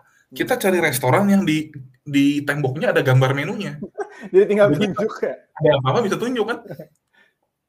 Masuk ke dalam, ternyata restoran halal buat orang Muslim. Ya Hmm. bodoh amat lah, yang penting makan dulu toh. Iya. Walaupun Cina pengen makan babi, tapi ya itu kan malam pertama juga. Hmm. Pikir-pikir lihat mau makan apa, terus si orangnya datang lah situ si koko-koko Cina-nya itu yang yang nanya mau makan apa kan? Hmm. Datang datang lah. Kalau mana semua? Hah? Lama itu ngomong apa nih orang gitu? Ya Allah, lawan ya semua mau makan apa? Oh, Mas mau makan apa gitu bahasa Indonesia. Kan kalau lagi les bisa nanya tuh, Cik bener Cik ngomong apa? Di situ kan kagak bisa. Gue ngomong kok pelan-pelan kok ya nggak bisa juga kan? Iya. Gitu. Ya udah pesen apa aja saya cuma tunjuk tembok. Si Obaja tuh hebat banget. Hmm. Dulu tuh lagi ditanya gitu, tau-tau meja sebelah ngomong gitu. Hai, oh iya lamia Itu si Obaja ikut lamia Wah, ngikutin aja gitu kayak bisa lu ya agak deh. Ya udah ngomongnya tuh gitu. Tapi di sini tuh bahasa Mandarin Pol. Hmm. Di kelasnya sih teorinya bahasa Inggris. oh Tapi ya kita realistis aja ya. Hmm. Kita juga kalau suruh ngomong bahasa Inggris kan aksen kita sama aksen orang yang Iya, dari benar-benar. Eropa atau dari US beda ya. beda Itu itu itu tang born tang language sih. Jadi Hmm. buat saya kalau lidahnya gak bisa ya ya memang gak akan bisa. Hmm. Jangan ngejudge orang Cina bahasa Inggrisnya jelek karena orang Inggris juga bahasa Mandarinnya jelek gitu. iya setuju setuju Dulu masuk kelas matematika sama si Obaja tuh dosennya ngomong DYDX partial Y partial X. Hmm. Orang Cina tuh nggak bisa ngomong X. Jadi X gitu kan. X Jadi di kelas tuh ngomong DYDX tuh partial Y partial X. Obaja ya ini kita sama masuk ini kelas Mandarin nih kayaknya gimana nih. Ternyata kelas bahasa Inggris gitu. Aduh. Ya tapi yang namanya struggle kalau dijalanin ya oke-oke aja. Iya, iya. Nilai plusnya itu saya 11 bulan di sana, somehow saya sama Obaja bisa hidup. Hmm. Ya itu Bisa. juga menarik nggak nggak bisa, tapi hidup nggak hidup gitu ya. Iya, iya.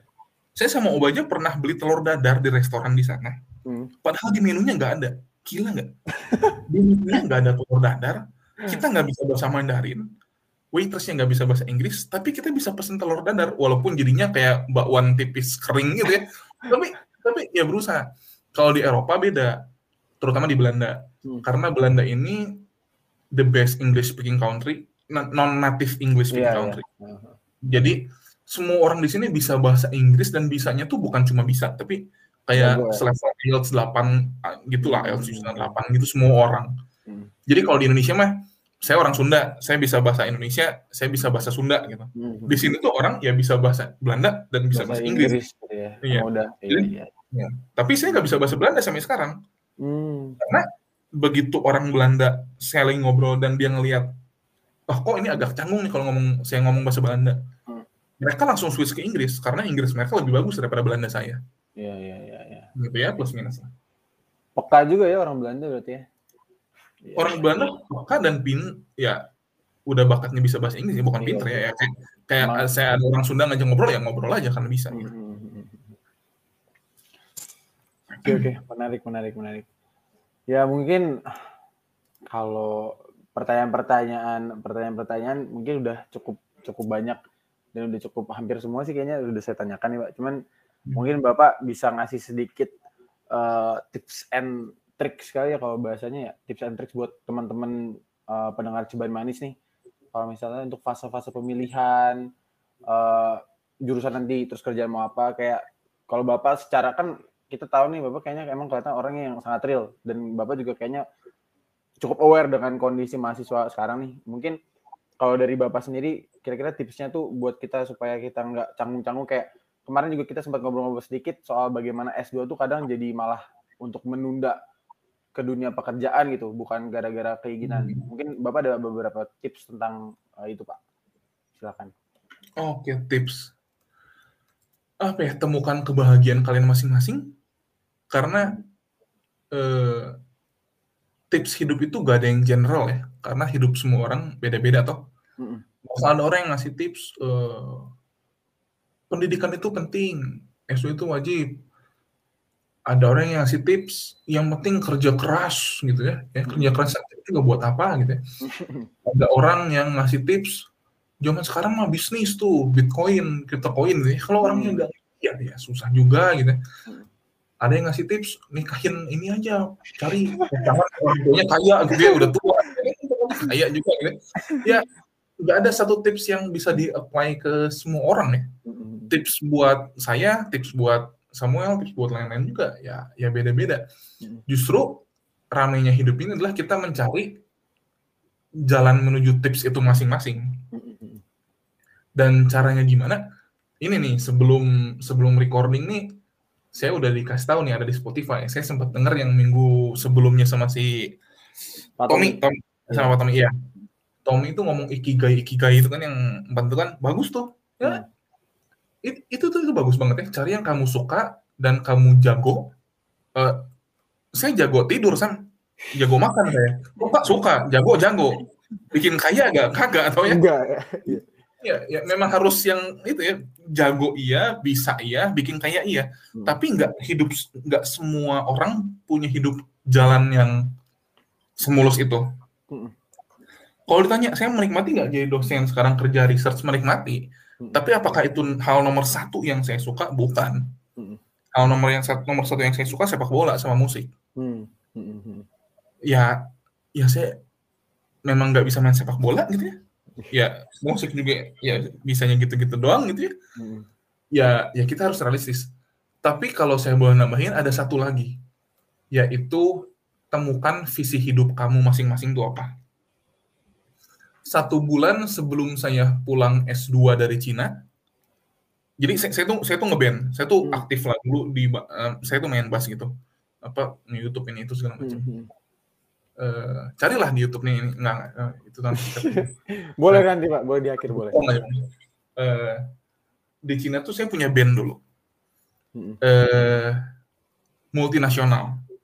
Wih saya main bass orang Indonesia, ada yang main saxophone sama orang gitar orang Indonesia, uh, drummernya orang Nigeria, hmm. uh, gitaris sambil vokalnya orang Kongo, uh, keyboardis orang Ghana, pokoknya multinasional gitu lah. Hmm.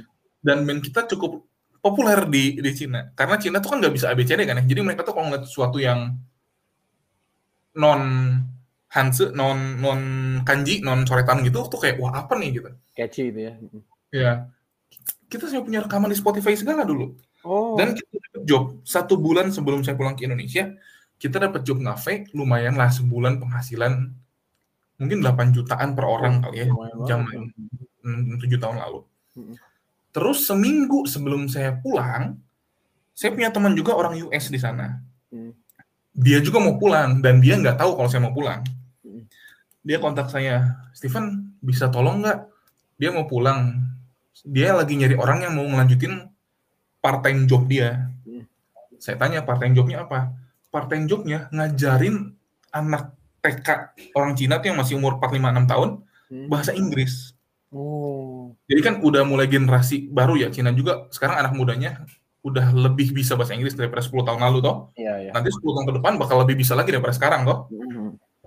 Nah, dici- dicarilah orang yang bisa ngajarin eh, bahasa Inggris. Syaratnya gampang. Satu, basic Inggris. Ya, bisa dong saya basic Inggris cuma ngomong this is glass, this is water gitu ya. Hmm. Dua, mukanya Cina. Jadi anaknya kagak takut. Muka saya ini Cina. Begini toh. Saya di Cina orang ng- ngajak ngobrol sama saya bahasa Cina dulu karena mukanya begini bukan langsung bahasa Inggris. Iya, iya. Pokoknya syarat-syaratnya gampang lah. Mm. Dan di Cina tuh pekerjaan itu dihargai banget. Mm. Dulu saya hitung-hitung, kalau saya nggak jadi pulang ke Indonesia, saya tinggal di Cina aja, enak banget tuh. Hari Senin sampai Jumat, ngajar bahasa Inggris ke anak TK, 3 jam sehari, 4 jam sehari gitu ya. Mm. Sabtu Minggu ngafe sama teman-teman, apa, nge-gigs gitu, eh, dibayar main musik, sebulan dapet lah 30 juta, 35 juta gitu ya Wah. dulu pikir-pikir umur 21 nih Iya. pacar punya toh kalau udah 30 juta sebulan tinggal di luar negeri pacar juga datang sendiri toh Hmm. saya bisa nggak bisa ngajarin eh, anak TK bahasa Inggris sama main musik Hmm. saya suka nggak suka banget main musik udah dibayar aja saya mau gitu ya Hmm. bikin saya kaya nggak bikin saya kaya juga gitu Hmm. Terus kalau ikigai yang minggu lalu tuh satu lagi berdampak nggak buat orang? Lo berdampak kan senang tuh orang-orang denger ngeband gitu atau anak kecil jadi punya masa depan yang lebih maju karena bisa bahasa Bahasa Inggris, Inggris, gitu. ya. Hmm. Jadi dulu saya sempat mikir wah ini konsep-konsep ikigai ke ikigai ini kalau di apply nih oke banget nih buat saya gitu. ya. Hmm. Dan waktu saya seminggu lagi, ini seminggu lagi antara pulang atau Stay. gak jadi pulang, stay aja nih 35 juta sebulan depan muka gitu ya. Iya, iya. Dulu kalau pulang S2 lagi, nggak punya duit lagi, lulus S2, ngelamar lagi, jadi dosen awal lagi, gaji 6 juta gitu ya. Mhm. Ini ada nih, lima kali lipat di depan mata gitu ya. Hmm. Tapi ya itu yang saya pikirin. Visi hidup saya apa? Saya hidup buat apa? Hmm. Kalau ngomong-ngomong religi dikit nih, ini kan dari tadi kita yang nyeleneh udah ada, religi sudah ada, yang religiusnya belum ada dikit ya, tapi Iya, saya iya, juga boleh. Tapi Tuhan nyiptain saya di dunia ini buat apa? Apakah cukup berhenti sampai itu aja di Cina gitu? Kalau memang sampai situ aja, ngapain saya S1 teknik sipil? Ngapain saya satu setengah tahun kerja di lapangan dulu ya, kerja di lapangan tinggal di Kalimantan tiga bulan gitu ya? Ya, ya ngapain saya kenal Pak Dodi, kenal Pak Bambang Adi, terus kalau saya putusin tinggal di Cina, semua yang udah dibangun itu ke mana gitu. Iya, iya. Jadi setelah dipilih-pilih, ya inilah hidup yang saya ambil sekarang gitu. Ditanya nyesel kagak gitu ya. Waduh, kalau jujur bahaya gitu ya. Tapi kalau dulu saya nggak pulang, saya nggak ketemu istri saya. Iya. Saya nggak punya anak saya yang sekarang ini. Mungkin kawinnya sama orang Cina. Mungkin nama anak saya bukan ya. Mungkin nama anak saya? Cenlung gitu siapa? Halong gitu siapa gitu ya. Kayak gitu. Jadi ya jalanin aja semuanya. Konsep Ikigai itu juga dipakai yang dari Tommy. Jangan lupa bahagia, kejar hidup kalian masing-masing tuh buat apa. Kalau belum tahu, cari sendiri. Karena yang tahu tentang hidup kalian ya kalian yang paling tahu. Mm-mm. Gitu Sam, jadi panjang nih Sam. Ah, apa apa. Pak, ini luar biasa. Nanti tolong input lagi ya tepuk tangan atau cheers cheers gitu. Luar biasa luar biasa. Tapi benar benar benar. Emang harus punya visi hidup supaya ya benar. Bukan cuman suka, bukan cuman bisa, bukan cuman menghasilkan, tapi juga harus sesuai dengan hati gitu ya, dengan visi ke depannya. Oke banget sih. Tapi kalau ditanya Sam sekarang, mau gak tuh eh, ngeband doang tuh dikasih 500 miliar? Mau lah. Oke, ya siap. mau lah, harus mau. Iya, iya bener mau sih pak kalau itu mah. Iya iya. iya. Ya mungkin kalau buat buat uh, buat sesi tanya jawab kita sampai situ pak. Dan jadi sebelum close kita ada sesi ini uh, dari teman-teman Ciban Manis request ada sesi JD1D jawab cepat dalam satu detik. Jadi itu kayak rapid fire question uh, for fun aja sih. Uh, jadi yeah. ya jadi kayak misalnya pak saya contohin misalnya uh, pilih SDA apa geoteknik SDA. Gitu. Oh, gitu. harus yakin itu ya SDA gitu ya langsung. Harus harus harus yakin, yakin cepat ya. itu pak. Kan satu detik, jadi satu detik aja buat mikirnya. Ya. Yeah. Gitu. Eh jangan ngejebak ya. Enggak, enggak ngejebak. Ini jangan sangat... membahayakan diri sendiri ini nanti enggak, ya. Enggak, ini sangat ini sangat sangat general, sangat umum. Iya, iya. Iya, iya. Oke, boleh saya mulai, Pak ya? Iya. Oke, yang pertama masa kuliah S1, S2 atau S3? S3. S3 jadi dosen atau mahasiswa? Mahasiswa. Mahasiswa. IPK atau relasi? Relasi. Jadi engineer apa jadi dosen? Dosen. Ngajar online atau offline? Offline. Ngajar atau main musik? Main musik. Ngajar atau main musik, oke. Okay. Chinese food atau Indonesia? Indonesia. Indonesia. Enakan Cina atau Belanda? Belanda. Panas atau dingin? Dingin. Gak mandi atau nggak tidur? Gak mandi lah. Gak mandi lah ya. Karena ini gimana sih teman-teman coba mandi sih? Semua juga gak mandi gak sih? Dia gak tidur, tidur mah segalanya. Ya udah, mungkin kurang lebihnya seperti itu ya Pak buat sesi podcast uh, ngerumpi yang episode kali ini bersama dengan Pak Steven Ronaldo. Uh, kalau saya pribadi, ya mungkin saya sedikit memberi kesimpulan Pak Ronaldo. Memang waktu dulu saya ikut kelasnya Pak Ronaldo, anak apa orangnya sangat apa ya seru gitu maksudnya kayak seru seru dan banyak dan insightful dan lumayan inspiringnya dan inspiring banget juga dan buat teman-teman semoga uh, podcast Cebar Manis kali ini tuh bisa bisa memberikan banyak uh, informasi uh, dan memberikan banyak manfaat. Nah, kalau bahasanya tuh uh, semoga kalian mendapatkan seceban informasi dan seceban manfaat ya gitu. Uh, semoga uh, salam juga buat keluarga Pak Steven. Semoga sehat-sehat terus di sana, stay safe. Thank you, thank you, thank you. Ya semoga nanti pas pulang unpar kita masih sempat ketemu Pak uh, ngobrol-ngobrol. Ya jangan lah, udah lulus dulu lah sampai. Ya lulus, cuman saya masih lulus, nanti saya mampir gitu. Nah, misalnya, iya kan. Nah. Nggak mau lulus lama-lama juga Pak saya. Iya, ya mungkin kayak gitu juga. Terima kasih buat teman-teman uh, podcast Cibar Manis. Uh, buat teman-teman uh, sobat sobat manis uh, stay tune terus buat dengerin episode-episode selanjutnya di podcast Ceban Manis cerita bareng teman sipil. Sampai jumpa.